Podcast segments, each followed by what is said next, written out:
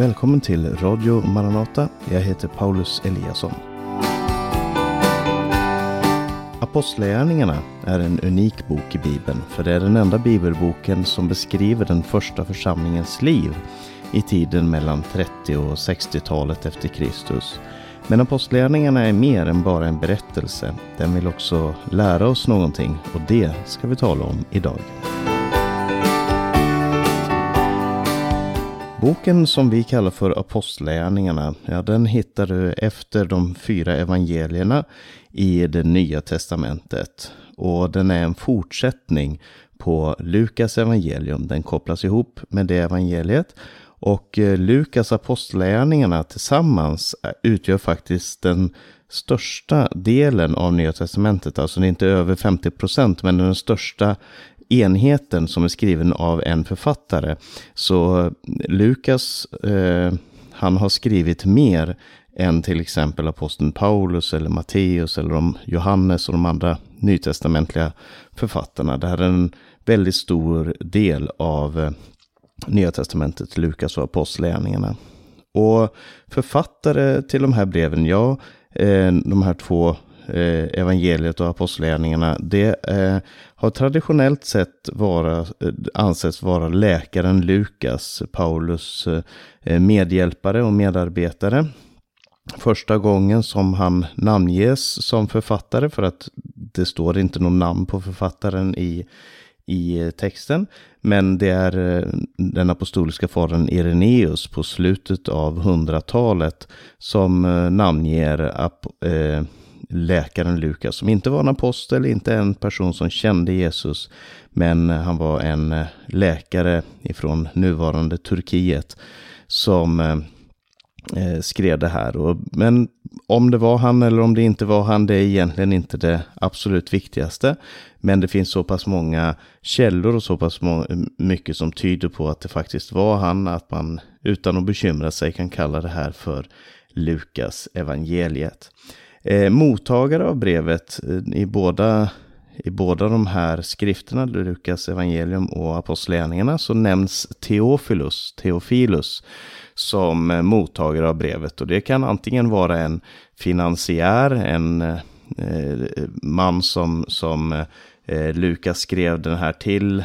Eh, eller det kan vara ett eh, symboliskt ord för att Teofilus betyder den som älskar Gud. Och det kan vara en, en eh, skrift som är skriven till, om du vill, den som älskar Gud. Och, men vi vet oavsett att den här, det här evangeliet och apostlagärningarna blev väldigt tidigt spridda ibland de kristna församlingarna. När är det skrivet då? Ja, eh, de som placerar Lukas evangelium som senast, de som inte tror att eh, det här är Lukas som har skrivit den överhuvudtaget, de placerar det runt år 100. Eh, de flesta vill placera Lukas evangelium runt år 80. Eh, men om man utgår ifrån textens interna vittnesbörd, alltså vad den berättar om och var berättelsen slutar, så verkar det som att den är skriven i början på 60-talet.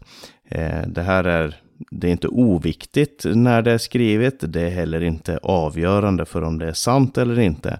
Men eh, eh jag, jag vill anta att det interna vittnesbördet i skriften betyder någonting och att det i så fall skulle betyda att början, mitten på 60-talet skulle det här vara skrivet. Eh, genren som eh, Apostlagärningarna är skriven i är eh, narrativ genre. Det är samma stil, eh, stilsätt som i evangelierna. Eh, och den eh, är sammanställd genom både källmaterial, och, alltså textmaterial och eh, intervjuer, samtal och säkert också Lukas egen erfarenhet. För att eh, på en viss punkt i apostlagärningarna så skriver han inte längre eh, i tredje person om dem eller han, utan han skriver vi. Och det antyder då att Lukas själv upplevde de här sakerna och anslöt sig till eh, reseföljet. Tematiken, vad handlar apostlagärningarna om? Eh, vi kallar det ju för apostlärningarna, men eh, det är helt klart när man läser texten att eh, texten kanske bo, egentligen borde vara, eller titeln borde vara den heliga andes gärningar. Eh, det handlar om vad Jesus fortsatte att göra. Det står i, i början av apostlärningarna, detta berättar. I min förra brev så berättade jag vad Jesus började att göra. Underförstått, i det här brevet så ska det handla om vad Jesus fortsatte att göra genom sina apostlar. Den handlar om en ny rörelses framväxt och den är på ett sätt naturligt indelad i två, med den första delen som har sitt fokus på Petrus och den andra delen som har sitt fokus på Paulus, båda apostlar till Jesus. Och eh, texten handlar om det som skedde mellan runt år 29 och fram till år 62, alltså från Jesu uppstigande till, till himmelen och fram till eh, Paulus fångenskap i Rom. Den historiska kontexten runt den här boken, det är att det var en romersk värld man levde i, där Pax Romana, den, den romerska freden, härskade. Och det fanns många politiska och religiösa grupperingar i Judeen och runt omkring som, som apostlarna eh, konfronteras med i den här texten. Och det kan vara viktigt därför att känna till mycket om den eh, historiska kontexten för att förstå verkligen vad texten handlar om. Men det ska vi komma tillbaka till lite grann. Nu ska vi gå till inledningen på, det här, eh, på den här boken.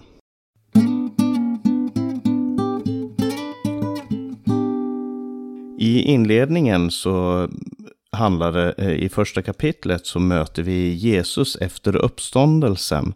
Där han talar till sina apostlar och han säger till dem att de ska gå ut i, när de får en helig ande så ska de få kraft att bli Jesu vittnen i Jerusalem, i Judeen, Samarien och ända till jordens yttersta gräns.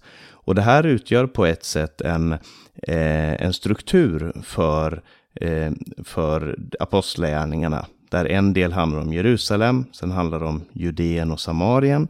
Och sen handlar det om jordens yttersta gräns, att nå ut med evangeliet över hela jorden.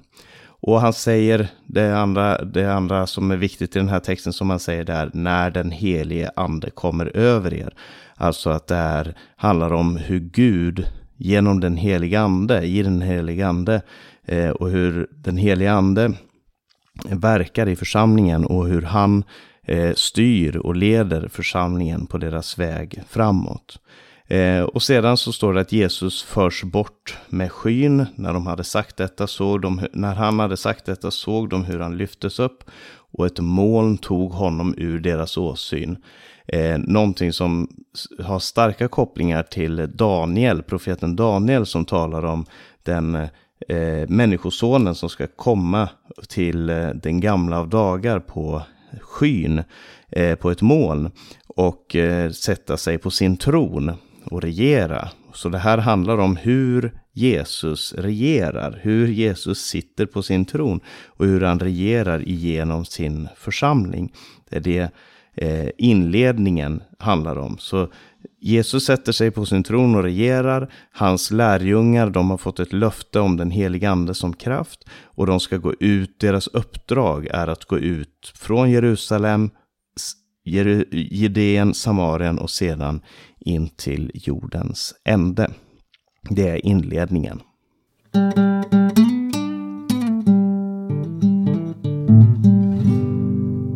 Den andra delen i Apostlagärningarna den sätter fokus på aposteln Petrus. Han är den centrala skickelsen, personen i, i den här berättelsen. Och det första som vi möter det är hur Gud eh, sänder sin heliga ande. Hur den heliga ande kommer till dem när de är i bön på den övre salen. Och de upplever anden som en vind och som en eld.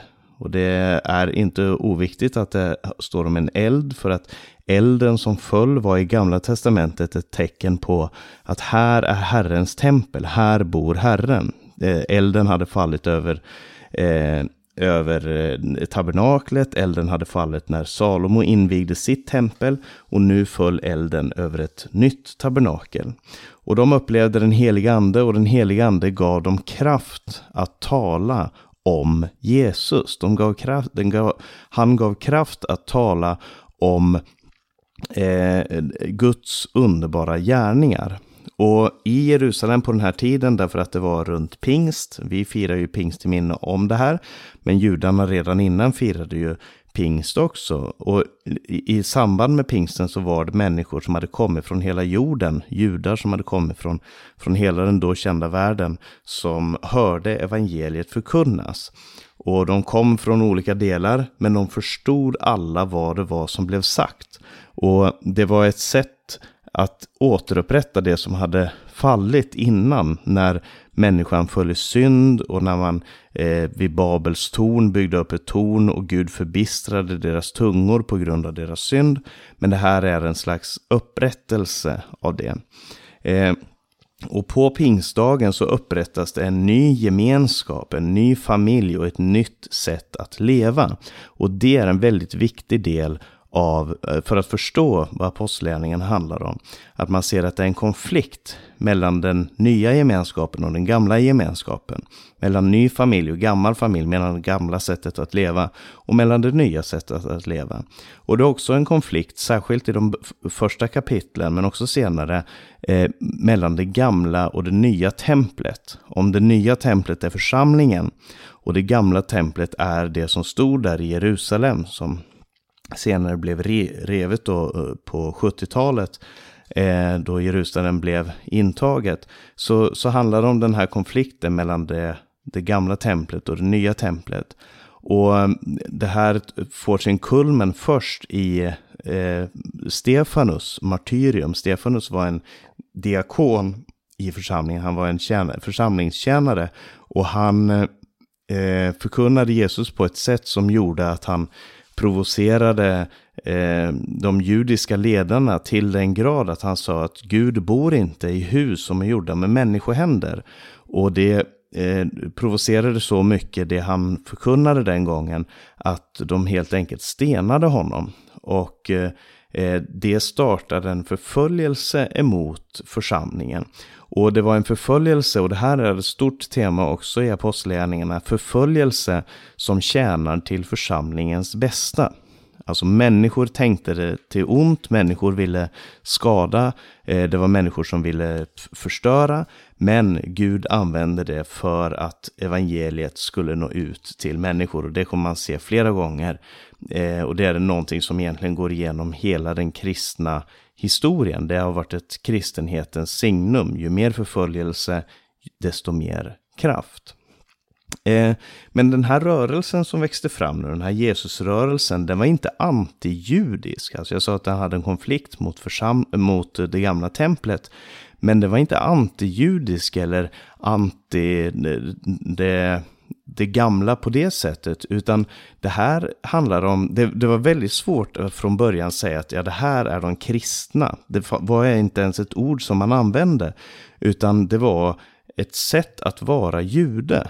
Och det här var ju framförallt judar som det handlade om som var eh, som blev frälsta. De första åren så var det en, en helt och hållet judisk rörelse. Det var en judisk rörelse som menade att Messias hade kommit och att denne Messias var Messias Jesus. Istället för den framväxande rabbinska judendomen som gick parallellt med den messianska judendomen på den här tiden. Och om vi följer historien så kan vi se att eh, Eh, genom evangelisten Filippus så når evangelium ut till både Judeen och Samarien. Han eh, går och förkunnar i, i Samarien också. Eh, och sen kommer tre kapitel där vi först möter en etiopisk man som, blir, som tar emot Jesus. Och sen så möter vi den judiska mannen Saulus, Saul eller Paulus som han senare kallas, som möter Jesus. Och sen som, eh, får vi också höra om Cornelius som var en romersk härförare som blir frälst. Och de här tre, de representerar de tre, eh, de tre eh, Eh, grenarna på mänskligheten som har utgått sedan Noas tid. Alltså på, Noa hade tre söner som hette Sem, Ham och Jafet. Och Sem, det blev de judiska och arabiska folkslagen. Ham blev de afrikanska folkslagen och Jafet blev de europeiska och asiatiska folkslagen. Och de här tre personerna, den etiopiska eunucken, eh, Saul från Tarsus och eh, härföraren Cornelius, de, de representerar då Etiopien var en hamit, Paulus var en semit och Cornelius var en jafetit. Eh, så på sitt sätt så representerar de också eh, hur Guds evangelium når ut till alla möjliga människor. Och det är den här hur evangeliet når ut under den första tiden. Och vi ska nu gå in på det vi kan kalla för Paulus-delen av apostlärningarna.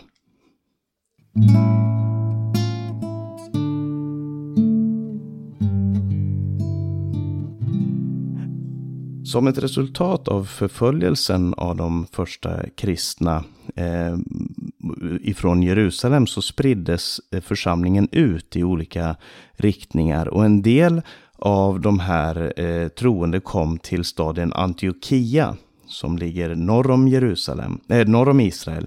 Och där blev de första hedningarna kom till tro, alltså bortsett från Cornelius då, så var det den första församlingen där en hedning blev mottagen och där man började förkunna evangelium också för icke-judar.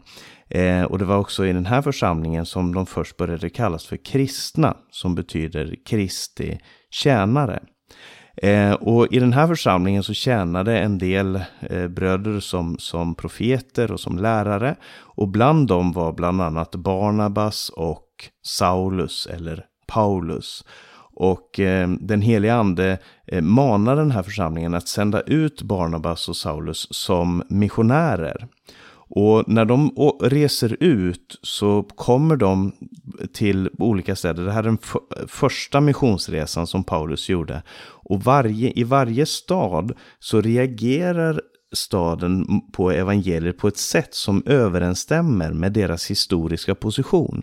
Och därför är en nyckel till att förstå eh, apostlagärningarna är att läsa om de här städerna som de besökte. I den första, under den första eh, missionsresan, läs om Antiochia i Pisidien, läs om Lystra, läs om Derbe och så vidare.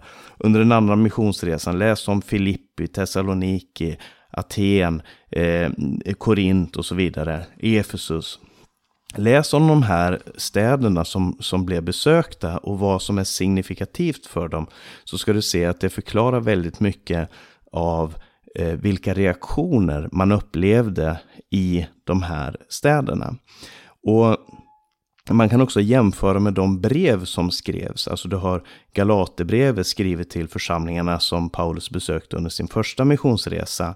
Du har Korinthierbrevet, Thessalonikerbrevet, Filipperbrevet eh, som handlar om de han besökte under sin andra och tredje missionsresa. Och det kan vara bra att läsa de här texterna tillsammans och mot varandra. Eh, och man kan också se hur Paulus i varje stad som han kommer till så, så eh, når han ut, sträcker han sig först ut till den judiska synagogan som finns där, eller gruppen som finns där i staden.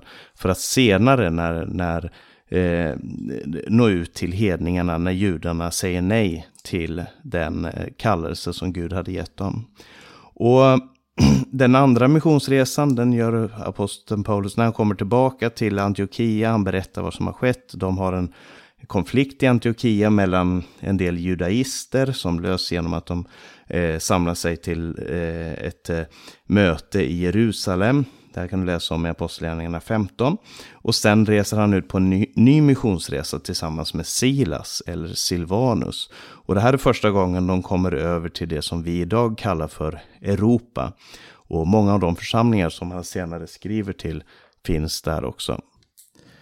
Senare så möter vi också den tredje missionsresan som är ett återbesök till eh, nästan alla de församlingarna som blev grundlagda under den första och andra missionsresan.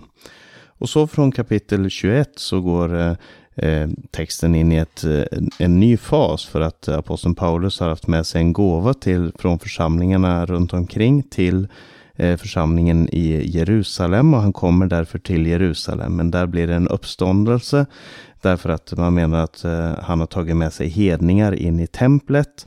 Och eh, Paulus blir arresterad och han eh, får uppleva ett flerårigt fångenskap som resulterar i att han får resa till Rom till slut. Eh, och evangelium kom, det här, man kan säga att apostlärningarna är på ett sätt eh, vägen till Rom. Eh, evangeliets väg till Rom och aposteln Paulus väg till Rom. Eh, det som räknades som på ett sätt den moderna världens centrum där kejsaren härskade. Och det blir en slags, ett slags möte mellan eh, Jesus som herre och kejsaren som herre. Och aposteln Paulus han skriver flera av sina brev eh, till de olika församlingarna. Den skriver han ifrån fångenskap eh, på olika ställen. Och kanske framförallt också fångenskapen i Rom. Eh, så därför är det här en ganska viktig del och vi ska till, till slut se lite grann på det som handlar om apostlärningarnas tematik och hur eh, apostlagärningarna apostlärningarna berättar mer än bara en historia.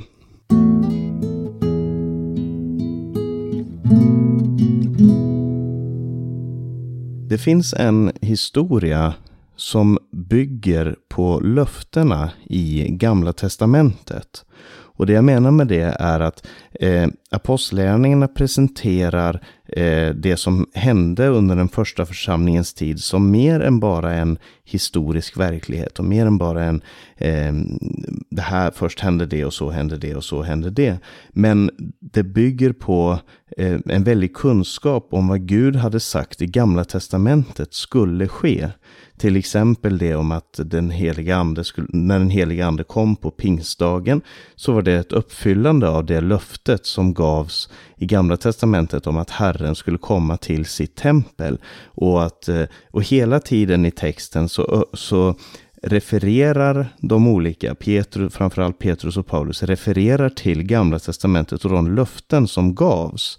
Eh, Petrus säger att här uppfylls det som blev sagt genom profeten Joel. Eh, Jesu halvbror Jakob säger här uppfylls det som blev sagt genom profeten Amos. Och Paulus använder också det här argumentet gång på gång på gång för att visa att Jesus är Messias och att det som händer eh, det som hände där och då var uppfyllandet av Guds löften. Alla Guds löften har Jesus Kristus fått sitt ja och sitt amen. Det andra man kan se att apostlagärningarna handlar väldigt mycket om är hur den heliga ande arbetar i församlingen genom lidande och förföljelse. Hur lidande och förföljelse inte är någonting abnormt och det heller inte är ett nederlag. Precis som det inte var för Jesus ett nederlag att dö korsdöden så är det inte för församlingen ett nederlag när man får lida och när man får uppleva motgång och förföljelse. Eh, det, det är eh, ett centralt tema för att visa hur Gud arbetar, hur han har arbetat genom hela historien. Och det knyter också an väldigt mycket till gammaltestamentliga historier. Eh, den, den tredje tematiken, det handlar om den messianska judendomen i konflikt med både det gamla religiösa sättet att leva och det romerska sättet att leva. Alltså på olika sätt så beskrivs den här konflikten inte bara som en konflikt mot judendom och, och eh, för att det, de räknade sig alla som judar. De räknade sig alla som, som trofasta emot gamla testamentet. Men de såg Jesus som uppfyllelsen av det som eh, skedde i gamla testamentet. Och därför så kommer den, den här framväxande församlingen hamnar i konflikt med eh, det judiska sättet att leva, det judiska sättet att tro på Gud, att tillbe Gud. Eh, det, det sker en konflikt där mellan templet, som vi talar om, men det sker också en konflikt mellan eh, apostlarnas förkunnelse och det romerska sättet att leva, där man bekände kejsaren som sin herre, där man hade alla de här olika gudabilderna och templerna som finns, som man fortfarande kan se ruinerna av runt omkring i Europa. Och när, när de kristna kom och sa att Jesus är Herre, så var det i helt tydlig och klar konflikt med det påståendet som fanns i den romerska världen att kejsaren är herre, kejsaren är Gud. Men här kom de kristna och sa att nej, det är en annan än som heter Jesus som är kung. Och det blev naturligtvis en konflikt och, och man ser också hur de här eh, domarna och, och rättsinstanserna i det romerska riket strävade med att hitta rätta kategorier för att de kristna var inte rebeller på det sättet som man var van vid. Men samtidigt så var de inte ofarliga eller någonting annat som, som, man, eh, som man också var van vid. De representerade en tredje väg. Om du säger att den, det judiska sättet att leva var ett sätt, det romerska sättet att leva var ett annat sätt, men de kristna, eh, de som senare kom att kallas för kristna, de hade ett tredje sätt att leva, en tredje väg. Och det är i all korthet vad apostlärningarna handlar om.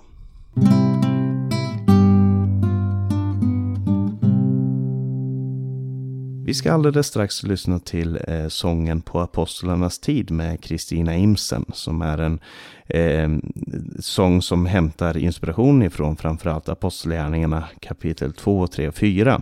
Men eh, först så ska jag ge lite information om det här programmet som du har hört på. För du har lyssnat på en podcast ifrån Radio Maranata med mig, Paulus Eliasson. Det här programmet har också sänds över Stockholms närradio 88 MHz och Örebro närradio 95,3 MHz. Så sprid gärna de här programmen till andra. Skicka länken till den här podcasten till någon du tycker behöver höra det här. Och om du har frågor eller kommentarer omkring det här programmet så får du gärna skicka en e-post till info.maranata.se eller du kan ringa 070-201 60 20. På hemsidan maranata.se kan du höra de här programmen. Du kan lyssna, eh, du kan läsa Eh, tidningen Minnesropet och du kan se Radio Maranatas övriga sändningstider. Du kan också få information om hur arbetet i Ukraina går vidare, hjälpen som vi sänder till Ukraina just nu. Så sprid Guds välsignelse till alla du möter. Vi hörs igen om en vecka. Och nu lyssnar vi till sist till Kristina Imsen som sjunger sången På apostlarnas tid.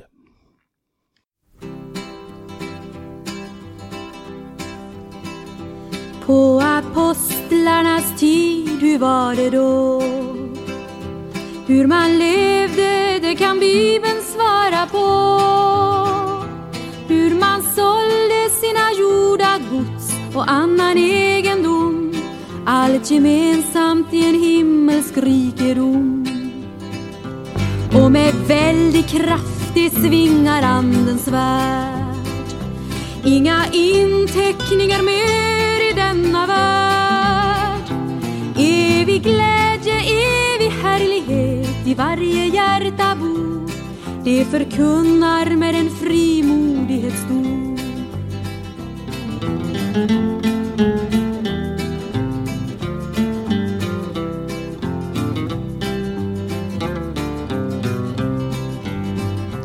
I gemenskapen fanns ingen som led nöd.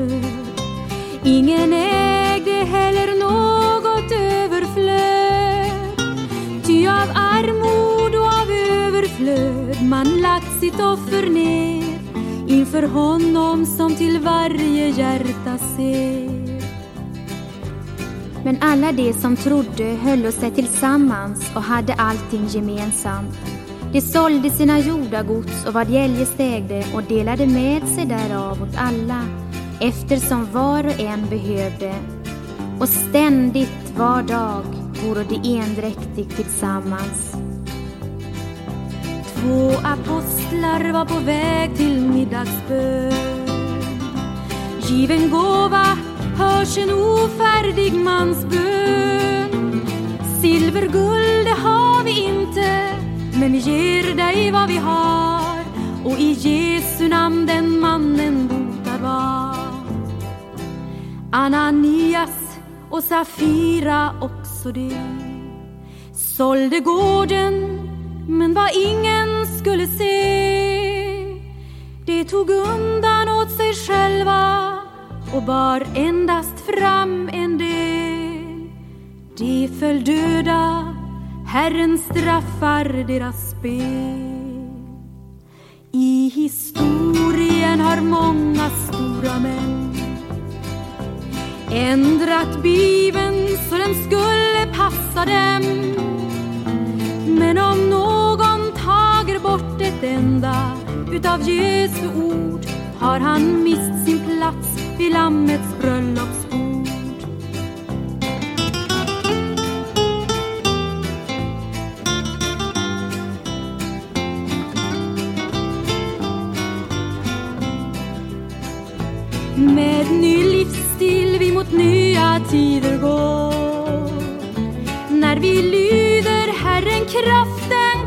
kopplar på.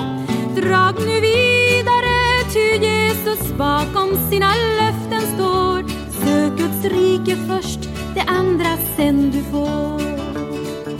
Drag nu vidare, ty Jesus bakom sina löften står. Sök Guds rike först, det andra sen du får.